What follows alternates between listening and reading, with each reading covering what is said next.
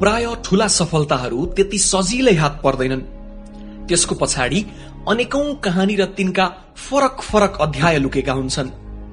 नेपाली क्रिकेटकै कुरा गर्ने हो भने पनि राष्ट्रिय टोलीले हात पारेको अहिलेसम्मकै सबैभन्दा ठूलो सफलता हो एक दिवसीय अन्तर्राष्ट्रिय मान्यता।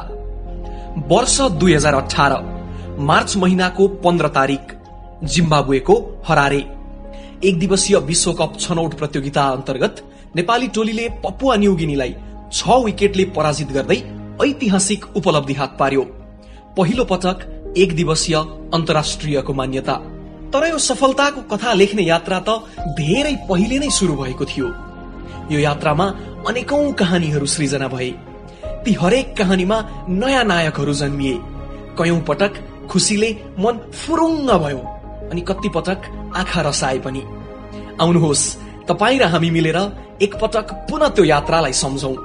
यो हो road to ODI status episode one.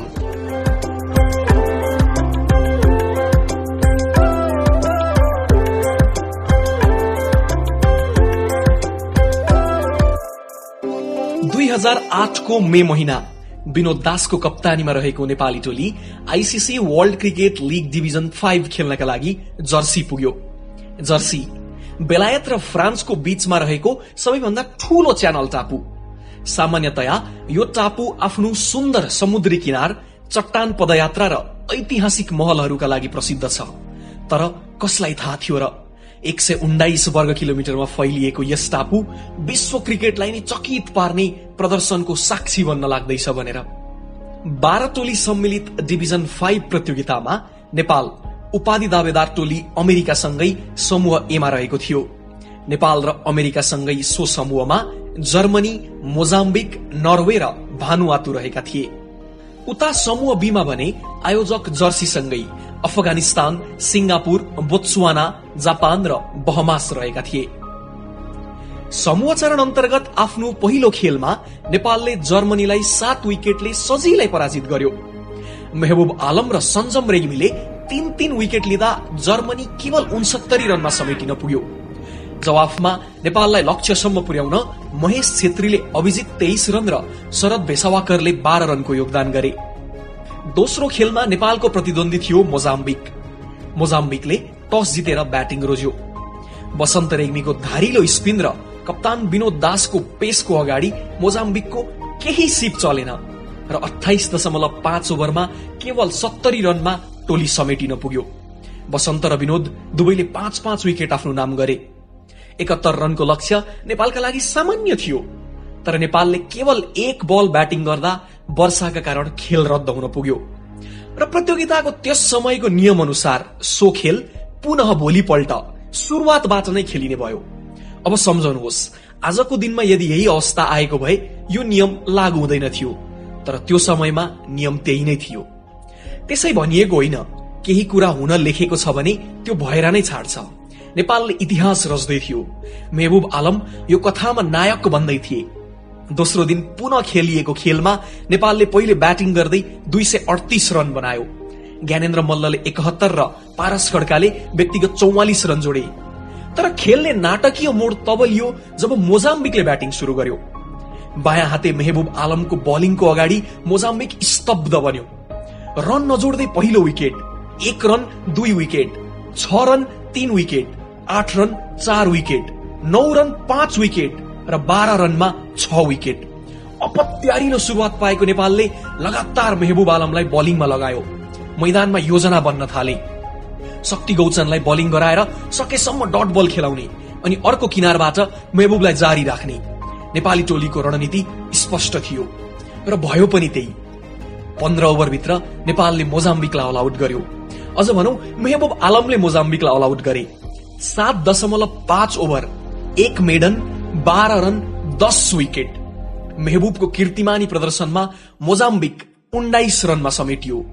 Mehboob ICC मान्यता प्राप्त लिमिटेड ओभर अन्तर्राष्ट्रिय प्रतियोगिताको एकै खेलमा दस विकेट लिने पहिलो बलर बने र Guinness Book of the World रेकर्डमा आफ्नो नाम समेत दर्ता गरे।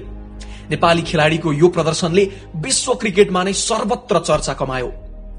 प्रतियोगितामा नेपालले लगत्तै नर्वे र भानुवातुलाई एकतर्फी खेलमा पराजित गर्यो। अमेरिका विरूद्धको खेल वर्षाका कारण रद्द हुँदा नेपाल समूह ए विजेता बन्दै सेमी फाइनल चरणमा प्रवेश गर्यो।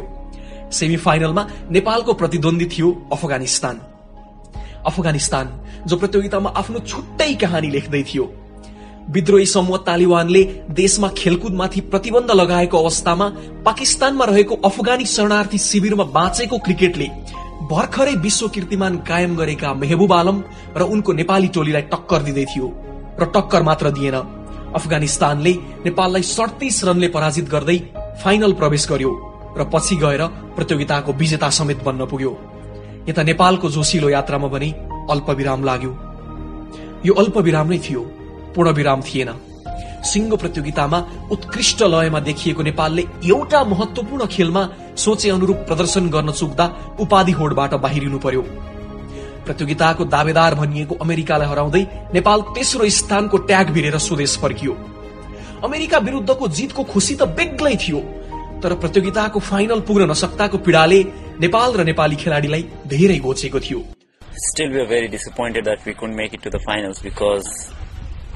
It's for everybody to see how good Nepal side is. I mean, beating USA so comfortably is not an easy task. They've been one of the favorites of the tournaments, and we beat them so comfortably here. So it proves that we had a very good side.